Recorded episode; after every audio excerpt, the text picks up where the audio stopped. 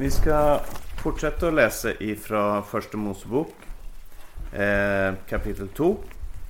Vi har ju läst där först om eh, människets skapelse, hur Gud skapade människa från stöv och Guds egen livspust.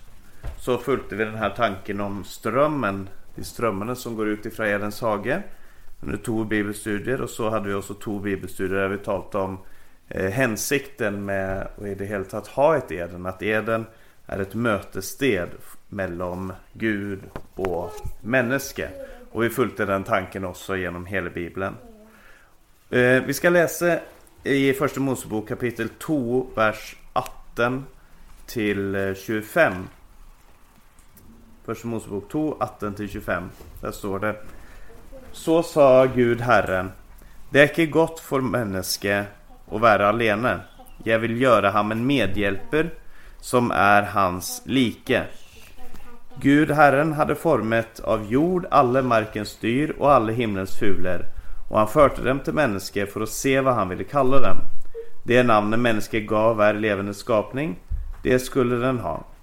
Så gav människa namn till allt fe, till himlens fugler och de ville dyr. Men för sig själv fann människa ingen medhjälp som var hans like.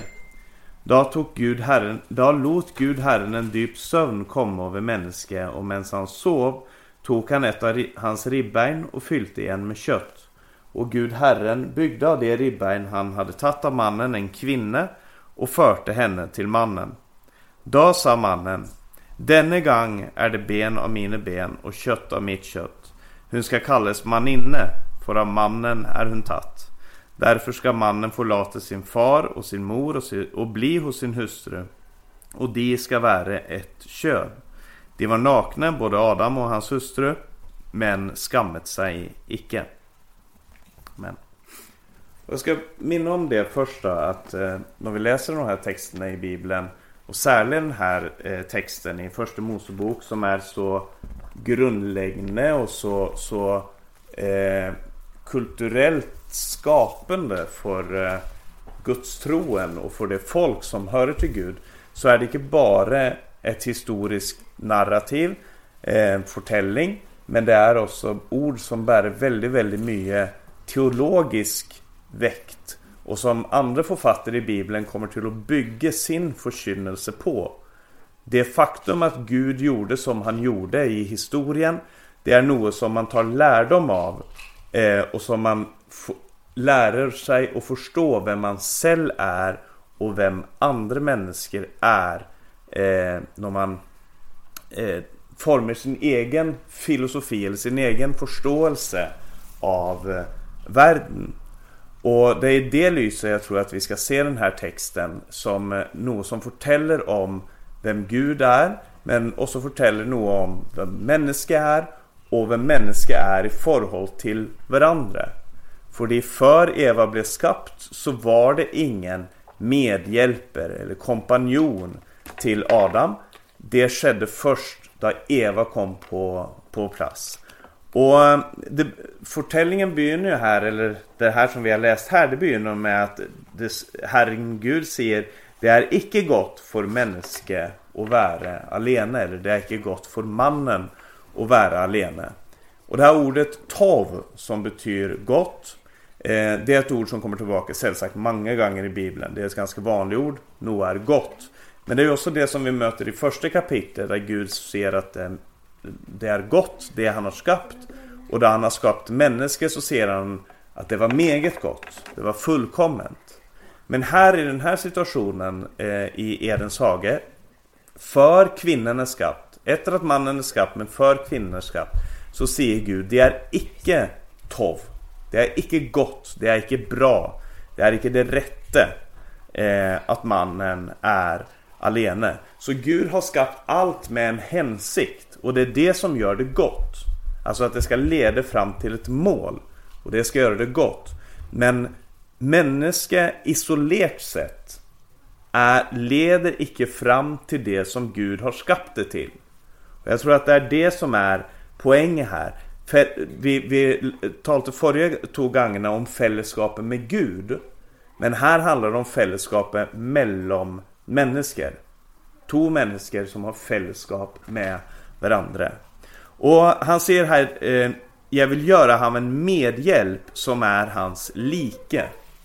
Eh, och det här ordet medhjälp, eller hjälper, det har blivit missförstått i den betydningen att man tänker att eh, hon som blir skapt då, Eva, hon har sin existensberättigelse genom mannen. Hon ska vara hans hjälpe. Eh, akkurat som jag kan skapa ett redskap som, som ska hjälpa mig. Kryckor eller en rullstol eller något som liksom ah, jag klarar mig inte, jag må ha den rullstolen Men utanför mig så har rullstolen ingen existensberättigelse. Men det ordet som brukas här om hjälper Eh, det är ordet på hebraisk eser.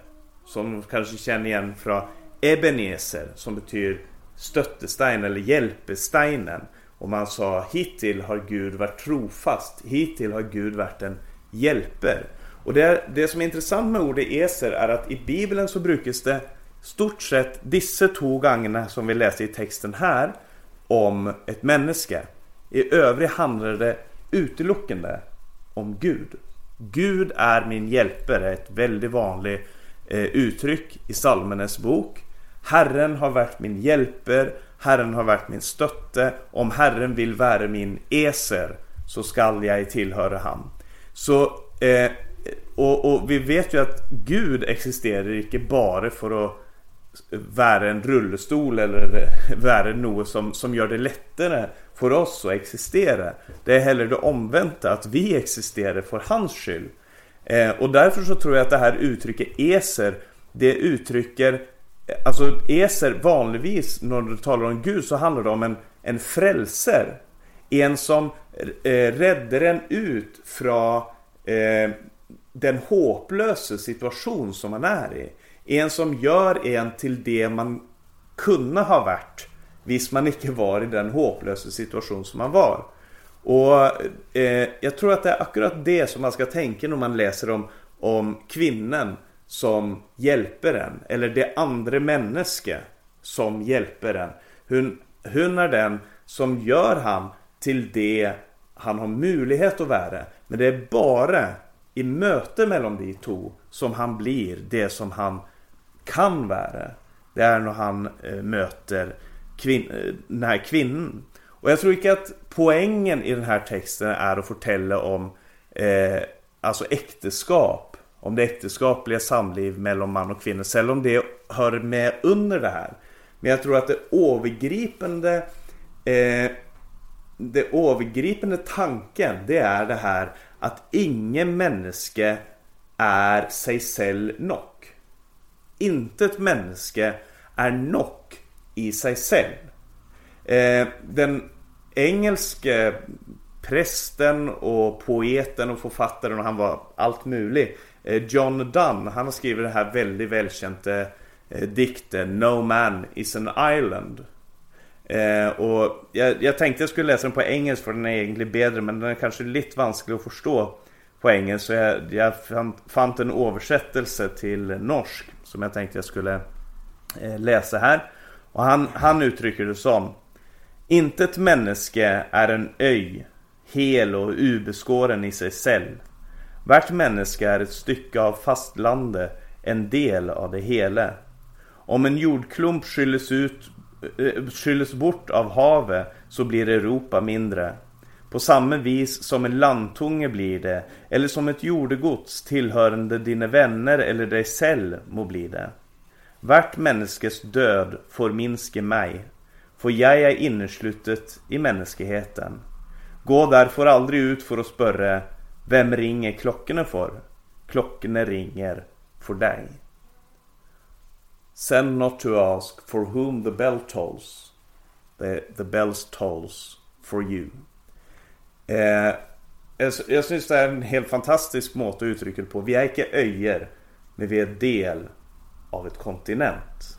Vi, vi tillhör varandra och vart människa som blir en ö, som går förtappt, som rullar ut i havet, det är ett tap för det hela. Och Så jag tror att poängen med, med den här texten och det du ska skapa i människa Eh, och det du också gör hos alla, i alla skrifterna, hos alla profeterna, det är denna tanken att vi hörer samman. Det finnes ikke noe jeg uten ett vi. Det betyder inte att jag försvinner, men det betyder att det, den här isolationismen är en grundläggande ubibelsk tanke. Vi är skapt för fällskap. Och sån uttryckte då eh, Adam det då han såg Eva för första gången. Där det står att han förde henne till mannen så står det i vers 23. Då sa mannen Denne gång är det ben av mina ben och kött av mitt kött. Och det här eh, så, eh, Han säger att hon är ben av mina ben. Det betyder att hon är skapt av han. Lika väl som män kommer från kvinnor så kommer alltså kvinnan från en man. Eh, vi är skapt från varandra. Och därför så är vi också skapt för varandra. Och eh, den bibelska eh, antropologin, alltså läran om vad människa är, säger att inte bara har vi den samma värdien, men vi hörer också samman. Det är inte bara två olika objekter som har den samma verdi. Det är nog många som kan se att alla människor är lika mycket värt. Läs FNs eh, eh, deklaration om mänskliga rättigheter. Men det är också att, att vi är från detsamma. Inte bara att vi har samma upphav som i Adam och Eva. Men de två var också eh, eh två delar av detsamma.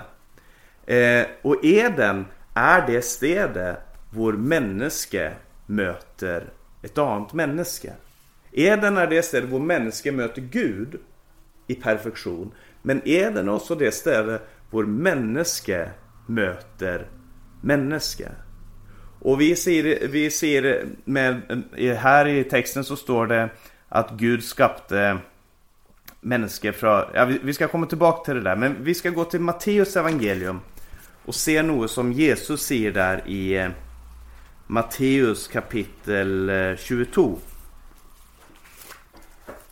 Eh, där får Jesus det här spörsmålet om eh, det största budet. Matteus eh, 22 och från vers 34 så står det Men då fariseerna hört att han hade stoppat munnen på sadikerna samlet i sig om ham och en av dem, en lovlärd, fristet ham eller testet ham och sa Mäster, vilket bud är det största i loven? Han sa till ham Du ska älska Herren din Gud av hela ditt hjärta och av hela din själ och av all din förstand. Detta är det största och första bud. Men ett annat är lika stort. Du ska älska din näste som dig själv. På disse två bud vilar hela loven och profeterna. Eh, innanför judendom så var det populärt på Jesu tid att man behandlade loven på två olika måter. Det ena var att man tog ett värt bibelord eller en värd lov, det är 613 lover i, i Torah.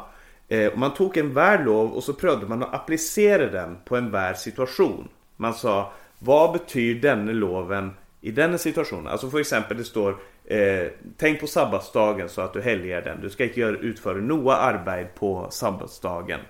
Eh, och då spurte man, okej, okay, vad är arbete? Norrby under sabbaten var intressant, men det var också vad är arbete? Är det för exempel arbete att ge pengar till en tigger? Är det arbete? Ja, det är det. Är det arbete att säga till en tigger du kan ta pengarna som ligger där på bordet? Det är icke arbete. Men om jag har lagt dem på bordet för att han ska ta inte sant? Man hade den här Man prövade att applicera loven på en världssituation. Men på den andra sidan så prövade man att göra något annat och det var eh, att finna koncentratet av loven. Det är 613 bud men vad har de fälles? Vad kan man se om alla loven? Vad, vad, vad är liksom koncentrationen? Finns det en tanke som jag kan bära på som vill göra att jag automatiskt följer hela loven? Och då var det populärt för exempel det bibelordet som står i Mika. Vi kan ju ta med det. Eh, Nu har ju barnen sjungit här den här sangen så vi ska kunna finna fram profeten Mika ganska snabbt. Eh, profeten Mika kapitel 6. Så står det i det åttonde versen. Han har sagt dig människa vad som är gott. Och vad kräver Herren av dig utan att du ska göra rätt och gärna visa kärlighet och vandra ydmykt med din Gud. Och någon sa då, det är tre ting som Gud spör av sitt folk. Vad kräver Herren av dig annat detta? Att du ska göra rätt, visa kärlighet och vandra ydmykt med din Gud. Och eh, Jesus får då detta spörsmålet. Vad är det största budet? Alltså vad är det som koncentrerar allt? Och Jesus citerar då femte Mosebok kapitel 6 och vers 5. Där det står det här, du ska älska Herren din Gud. Hör Israel, Herren din Gud, Herren är en. Och du ska älska Herren din Gud av all din hjärta, all din själ och all din kraft. Och Jesus säger också, och all din förstand.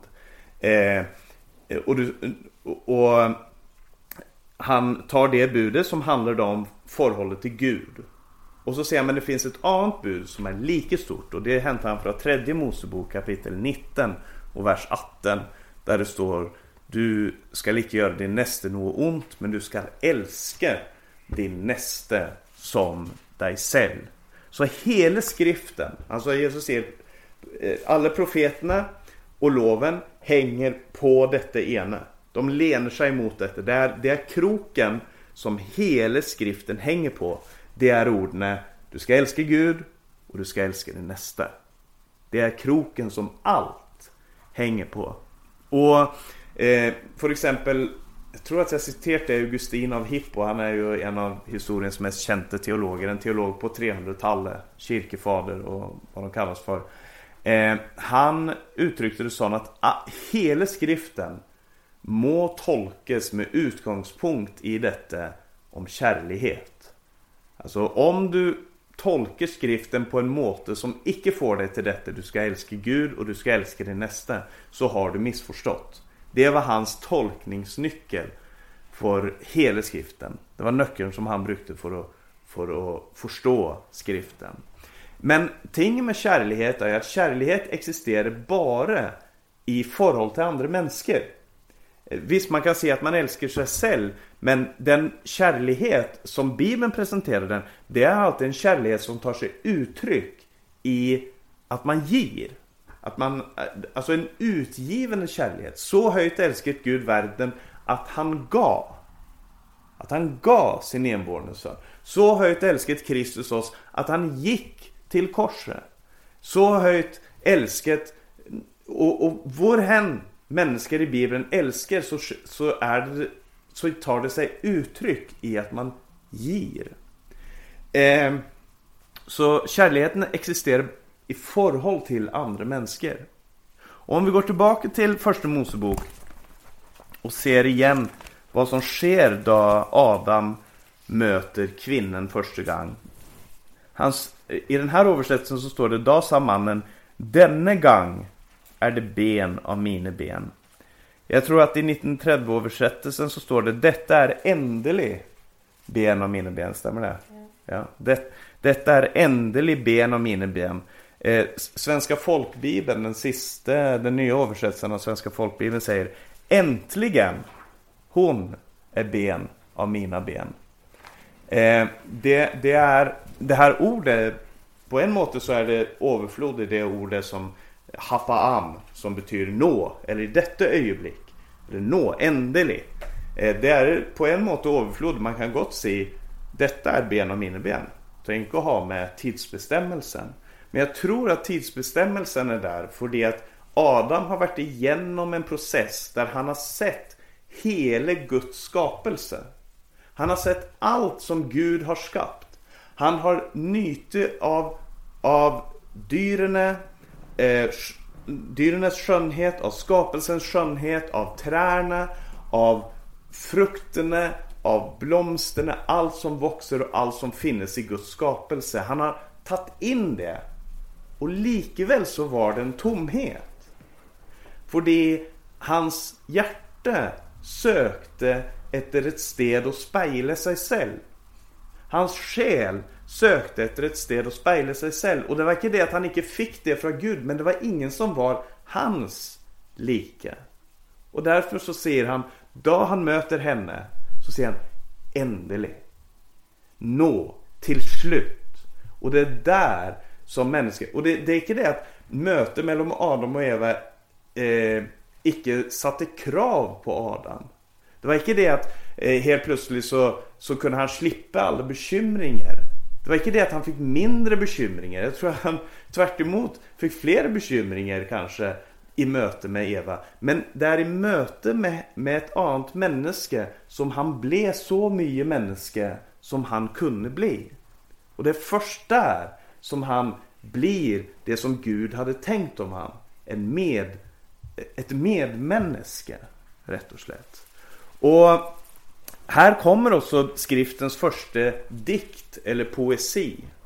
Det här är det första diktet. Detta, denne gång är det ben av mina ben och kött av mitt kött. Hon ska kallas maninne eller kvinna. Det är isha på hebraisk. För hon, har, för hon är tatt av mannen. Det är ish. Ish, man, isha, kvinna.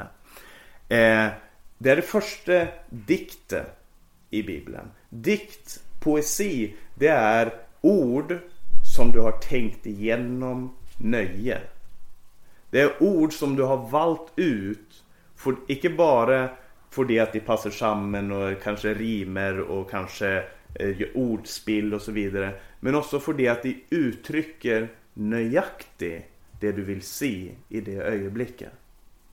Och där, då, Förr så kunde Adam se vad han ville. Då har inte vi någon, det står inte om vad Adam sa för detta. Så är det blir min egen teori. Men jag tänker så förr så kunde Adam uttrycka sig själv som han vill. För det var ingen till att missförstå eller förstå han. Han kunde se det bara akkurat som han tänkte. För det var ingen som visste, eh, som kunde missförstå vad Adam sa. Men när han möter kvinnan så väljer han sina ord. Och det gör man för det att man önskar att bli förstått i sin tanke. Det jag bär på önskar jag att ge till dig. Det jag upplever här inne, det önskar jag att ge till dig. Och enten så kan man göra det av frykt för någon, för exempel en, en tjänare som ska tala till en konge. Han, han väljer sina ord med omhu för han vet att den här kongen har makt över mig, kan, kan förkasta mig, kan göra ont emot mig. Men du kan också göra det för det att du önskar att möta ett annat människa.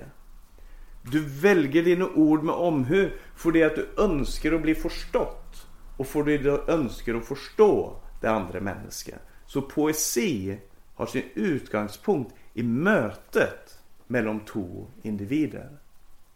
Eh, och eh, texten här fortäller oss att eh, eh, hon var skapt från mannens sida. Gud låt en djup sömn komma över människan, står det i vers 21. Och medan han sov så tog han ett av hans ribbein, ribben och fyllde det igen med kött. Eh, ordet för ribben på hebraisk, eh, det är detsamma som side. Eh, och vanligtvis i Bibeln så översätts detta med en sida, alltså en sida på ett hus eller en del, alltså halvparten av Noa. Den högra sidan, den vänstra sidan.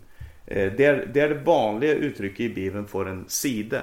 Det kan översättas med ribbein, eh, men det virkar i texten som, och det, nyare bibelöversättare har ofta det här att de, de uttrycker Noa av det här, att han tog hans ene sida och skapte eh, och format eh, ett människa utifrån det. Så nu är väl inte mängden av det som Gud tog ut från mannen det som är det centrala. Men jag tror att det centrala är att han tog ut hans sida. Alltså ett sidestycke. Vi ser ibland om Noa att det, det, har, det manglar sidestycke. Det manglar Noa som är det likt. Eh, och, och jag tror att poängen i, i texten här är att Eva är bärare av Noe som Adam manglar. Och Adam är bärare av Noe som Eva manglar. Så i romantiken så vill man självsagt ha uttryckt sig så Åh, det är en person som kompletterar mig eller jag har funnit min, min andra halvdel eller ett människa som, som är det jag icke är och sånt. Men i Bibeln så är tanken den här, inte bara innanför äktenskapet. Men att inte ett människa är helt. Inte ett människa är det de kan vara. Men när de kommer samman så blir de familjer.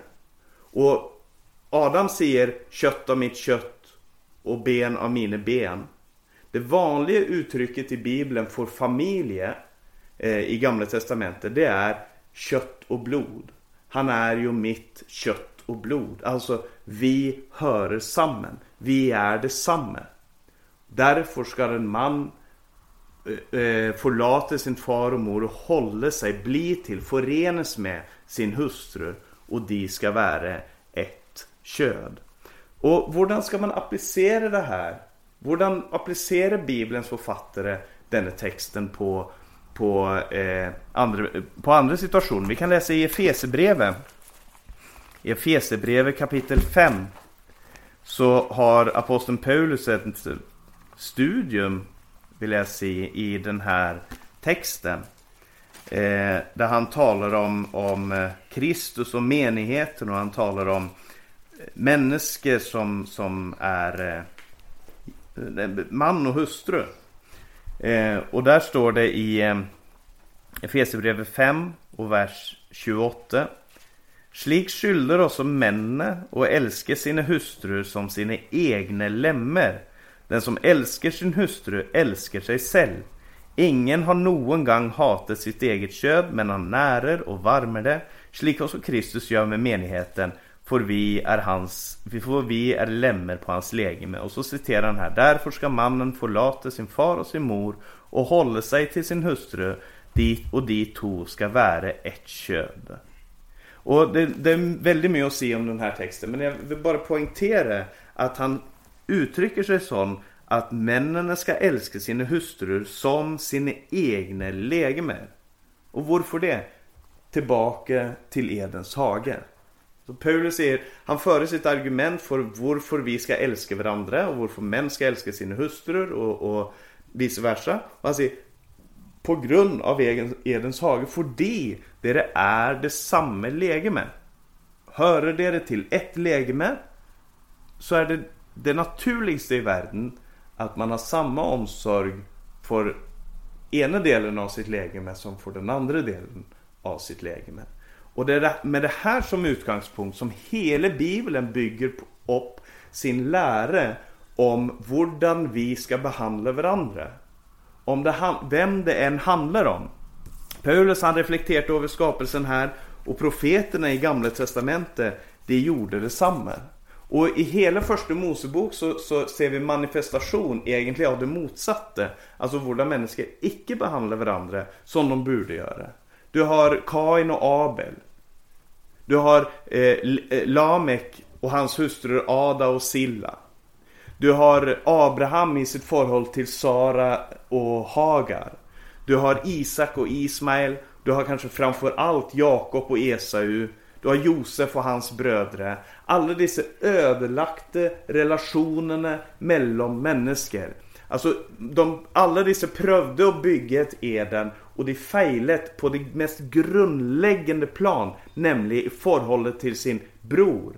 I förhållande till sin syster, till sin mor, till sin far, till sin hustru, till sin tjänare, tjänarinna och så vidare. Eh, det handlar om sexuell utnyttjelse, det handlar om våld, det handlar om hat, det handlar om mord och bedrag. Alla dessa ting. Och spörsmålet är detta, så, för de såg de an, den andra som sin fiende. Och de såg icke den andra som fullbyrdelsen av dem själv. Och Eh, i Salomos höjsang, vi ska gå dit till Salomos höjsang, för det är Salomos höjsang är full. Jag ser den, det, det är helt ukontroversiell påstånd att se att Salomos höjsang är full av Edens symbolik.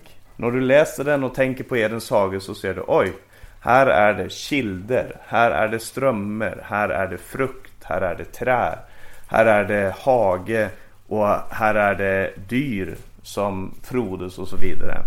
Eh, och vi ska bara läsa de första två verserna här först. Där står det Höjsangen av Salomo eller 'Sagnes sang av Salomo.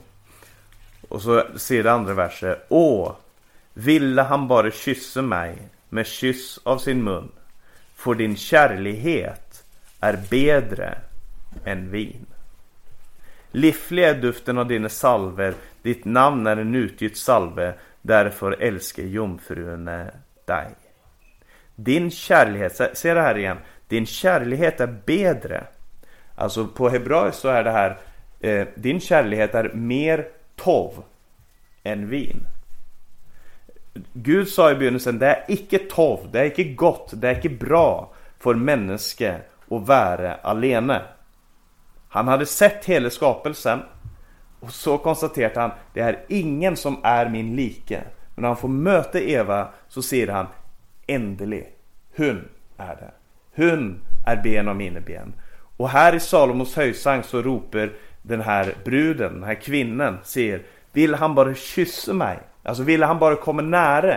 Om vi, om vi fick fysisk kontakt, för hans kärlighet är mer tov än vin. Vin hämtar du från din vinhage, från vingården.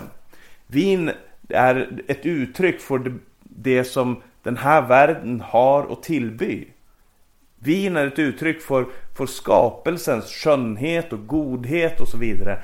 Men de säger din kärlighet är bättre än allt detta. Och jag tror att det är ett eko av det Adam och Eva eh, upplevde i möte med varandra.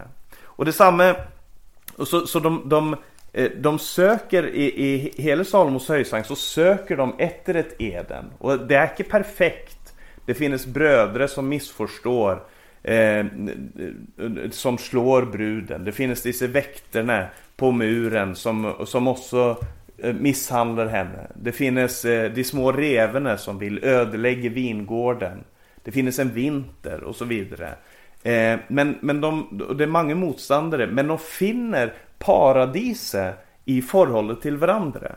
Eh, I kapitel 4, Salomos höjsangs fjärde kapitel, så beskriver de varandra, de talar till varandra. I, eh, och så står det i vers 12. En lucket hage. Och här är faktiskt eh, har hebraiskan hämtat det ordet från persisk tror jag det är som är, som är grunden för paradis. En, en locket, ett locket paradis är min syster, min brud. En, ett avstängt uppkomme, en förseglet kilde. Det är en hage och det är en kilde. Du skjuter upp som en lysthage av granatäppleträr med sin kostbara frukt, som hennabusker samman med narder och saffran, kalmus och kanel samman med alla slags virakträr, myrra och aloeträr Sammen med alla de bästa välluktande urter Det är, hon, eh, det är han som talar om henne. Och så ser hon om han en kilde i hagene är du, en brunn med levande vann och strömmar från Libanon. Våkna upp, nordavind, kom sönnavind, blås genom min hage, så dens duft kan strömma ut. Åh, om en älskare ville komma till sin hage och spise dens kostbara frukt. De beskriver varandra med paradistermer. Du är en lucket hage, du är ett paradis för mig. Eh, och, och, och det är många bönder i Salomos höjsang. Vi har ju talat många gånger om Salomos höjsang som ett bild på förhållandet mellan Kristus och menigheten. Och jag tror att det är helt sant. För det kärligheten eh, tar sig uttryck. Kärleken kärligheten är Gud som uttrycker sig. Gud är kärlighet. Och det, det, det uttrycker är vi tränger varandra. Alltså Salomo och Sulamit, de trängte varandra. Eh, Adam och Eva, de trängte varandra. Och Kristus och menigheten, de tränger varandra. Det är det här behovet av varandra och uttryckt genom en utgivande kärlighet. Jag behöver dig och det uttrycker jag genom ge av mig. Och till sist så ska vi se något som profeterna sa också. För det att profeterna, eh, Gamla Testamentets profeter, de uppträder ju, de flesta av dem uppträder efter eh, efter att kongarna sitter på tronen. Så eh, profeterna blir den här stämmen in i kongehallen som eh, fortäller när saker och ting är på väg att gå galt. Kongen skulle vara den rättfärdige, den gode, den som leder folket på rätta vägar. Men eh, väldigt ofta så skedde inte det. Och väldigt, väldigt ofta så handlar det om eh, problemet med nästekärligheten. Och hur man glömmer att uttrycka sin nästekärlighet i rättfärdighet. Det handlar om farlöse, om änkor, om främmande, om fattiga och om svake. Eh, farlösa farlöse, änkor och främmande, det är i Bibeln nästan en, eh, treenighet. De, de nämns väldigt, väldigt ofta samman. Den farlöse, änken och den främmande. Vad har de fälles? Det är de som icke har någon ekonomisk, politisk, social trygghet.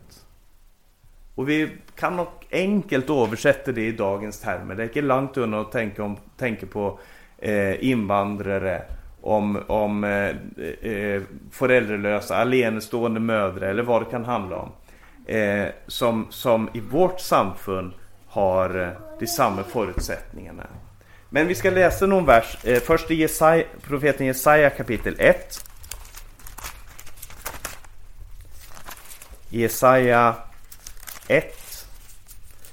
Så står det i det 16 verset. Eh, Rens dere och tvätt dere. Ta deras onda gärningar bort från mina ögon. Håll upp med att göra det som är ont. Lär att göra det gode. Lägg vind på det som är rätt. Vis våldsmannen på rätt väg. Hjälp den farlöse till hans rätt för änkens sak. Här är Gud som kallar på Israels folk och så säger han Tänk på Alltså våldsmannen må rättes på. Den farlöse må få sin rätt. Och, det, och änken må ha någon som förer hennes sak. Eh, vi, och vi kan gå till Jeremia i det 22 kapitlet. Eh, Jeremia kapitel 22. Så talar Gud till Jeremia och säger att han ska gå till kongen här. Eh, vi läser de fem första verserna. Jeremia 22 från vers 1. Så sa Herren, gå ner till Judas konges hus och tal där detta ord. Hör Herrens ord, du Judas konge som sitter på Davids trone. Du säll och dina tjänare och ditt folk, det är det som går in genom dessa portarna. Så säger Herren, gör rätt och rättfärdighet. Fri dem som blir plyndret utav undertryckarens hand.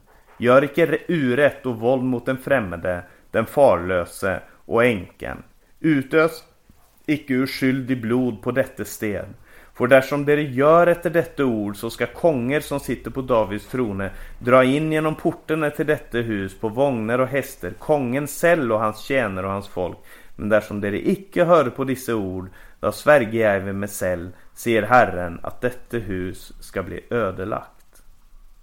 Så Forskellen mellan Guds välsignelse och förbannelse eller att Gud skulle upprätthålla folket på sitt sted eller att de skulle föras bort i fangenskap. Det var hur man behandlat sin näste.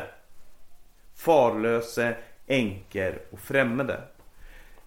Alltså när man glömde att eh, mitt, min näste, människor runt omkring mig, de är av den samme förfader.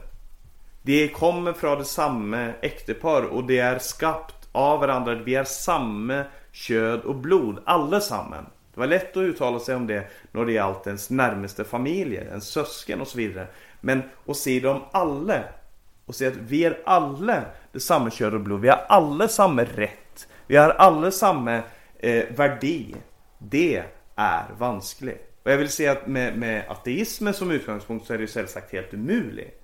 Men för det här folket som trots allt trodde på Gud så ignorerade man det som Gud hade talt. Man kände icke Gud. För hade man känt Gud, hade man tagit till sig hur Gud skapade människa från stöv och livspust, från eh, sidan av, av den andra människan, så hade man sett vi är detsamma kött och blod. Men det gjorde man icke. Och därför i kapitel 22 så fortsätter det och säger som eh, från vers 11. För så säger Herren om Judas konge Salum, Josias son. Det är alltså Salum är Joakas. Josias son, som blev konge efter sin far Josia och som drog bort från detta sted. Han ska inte komma tillbaka hit.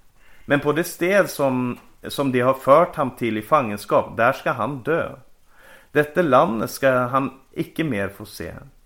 Ve, ve han som bygger sitt hus med rättfärdighet och sina salar med urätt, han som lar sin näste trälle får ingenting och icke ger ham lön för arbete. Han som säger jag vill bygga mig ett romligt hus och luftiga salar och som hugger ut vindur på det och paneler det med cederträ och maler det rött. Är du konge fordi du övergår alla andra i att bygga av cederträ? Din far, mån han icke åt och drack och gjorde rätt och rättfärdighet, då gick det han väl. Han hjälpte den eländige och fattige till hans rätt, då gick det han väl. Är icke detta och känna mig, säger Herren. Men dina ögon och ditt hjärta är icke rätte på annat än på vinning och på att utösa den skyldiges blod och på att bruka våld och undertryckelse. Därför säger Herren så om Judas konge Jojakim, Josias son. De ska icke hålla sörjehögtid över eh, högtid över ham och ropa ve min bror, ve min syster. De ska icke hålla sörjehögtid över ham och ropa ve Herre, ve hans härlighet. Den här texten är nog det sista som blir sagt för Babylons konge kommer och intar Jerusalem. För han ödelägger templet. Alltså det här var ett folk som hade tempelhöjtiden eh, ner till minsta detaljer. Var morgon, var kväll förde man sina offer. Man hade allt klart och man ropte Herrens tempel, Herrens tempel, Herrens tempel. Det ska inte ske något med Jerusalem. För vi har Herrens tempel. Gud är här. Och Gud säger, ja, det är omöjligt för mig att välsigna. Det är umuligt för mig att vandra runt ibland detta folket. Icke för det att de icke bär fram sina offer. Men för det hela, hela byen ser ut som Gileads skog. Alltså, man hade tagit från Gilead dessa sederträna och så hade man byggt så mycket och det var så mycket rikdom. Och kongen konkurrerade med andra konger i att ha de finaste sederträhusen. Och, och, och, profeten och Gud går omkring i byn och säger Detta ser ut som Gileads skog. Men det är ingen rättfärdighet för den främmande, för den fattige, för änken och för den farlöse. Man bygger sitt tempel men på människors slaveri. Man byggde sitt tempel och gjorde sin näste till träd. Och här tror jag att vi, har, vi i vår kultur och kanske också i våra egna liv har väldigt lite att skryta av. Och så ser han om hans far att han gav de eländiga och fattiga hans rätt och det gick han väl. Är icke detta och känner mig, säger Herren. Och känna Herren, det är att ge den farlöse, änken, den främmande deras rätt. Och komma, sin, komma till sin näste, det är att känna Herren. Vill du känna Herren? Säger du att du känner Herren? Så låt detta ta sig uttryck i kärlighet till de som är samma kött och blod, det vill säga alla och enhver. Och jag tror att du allerede kan se hur Jesus uttryckte det här. Fortällningen då en man kom till Jesus och spurte Vem är min näste? Och Jesus börjar att fortälla om en samaritaner. En man som gick förbi en nedslått man och löftet han var på sitt esse. Jag tror du kan känna igen det här i fortällningen om Jesu eget liv. Och hur apostlarna önskat att vi skulle leva våra liv. Och hur Johannes uppenbaring beskriver att det ska bli till slut. Och vi ska komma till det nästa bibelstudium. Vi ska avsluta här. men vi ska se det här. Vi ska spörra oss själv idag också. Är vi annorledes än det Jojakin var, Josias son? Bygger vi cederträhus med höje murer emot allt och alla? Förtrycker vi? Eller bygger vi broar? Bygger vi hem för den fattige? Det var det här som var det stora spörsmålet. Vem är min nästa? Vem är det jag ska bry mig om? Är jag min brors vokter? Är jag, är jag ansvarig för mitt kött och mitt, och mitt blod? Det är eh, Bibelns stora spörsmål. Han sätter det, Jesus satte det lika stort och lika högt och vid sidan av spörsmålet om att älska Gud. Så sa han att vi ska älska vår näste som oss själv. Och allt det begynte i Eden. Och det har sitt mål i det paradis som Gud har skapat. Där var och en ska vara fyllt av den här kärleken till, till den familj som man tillhör.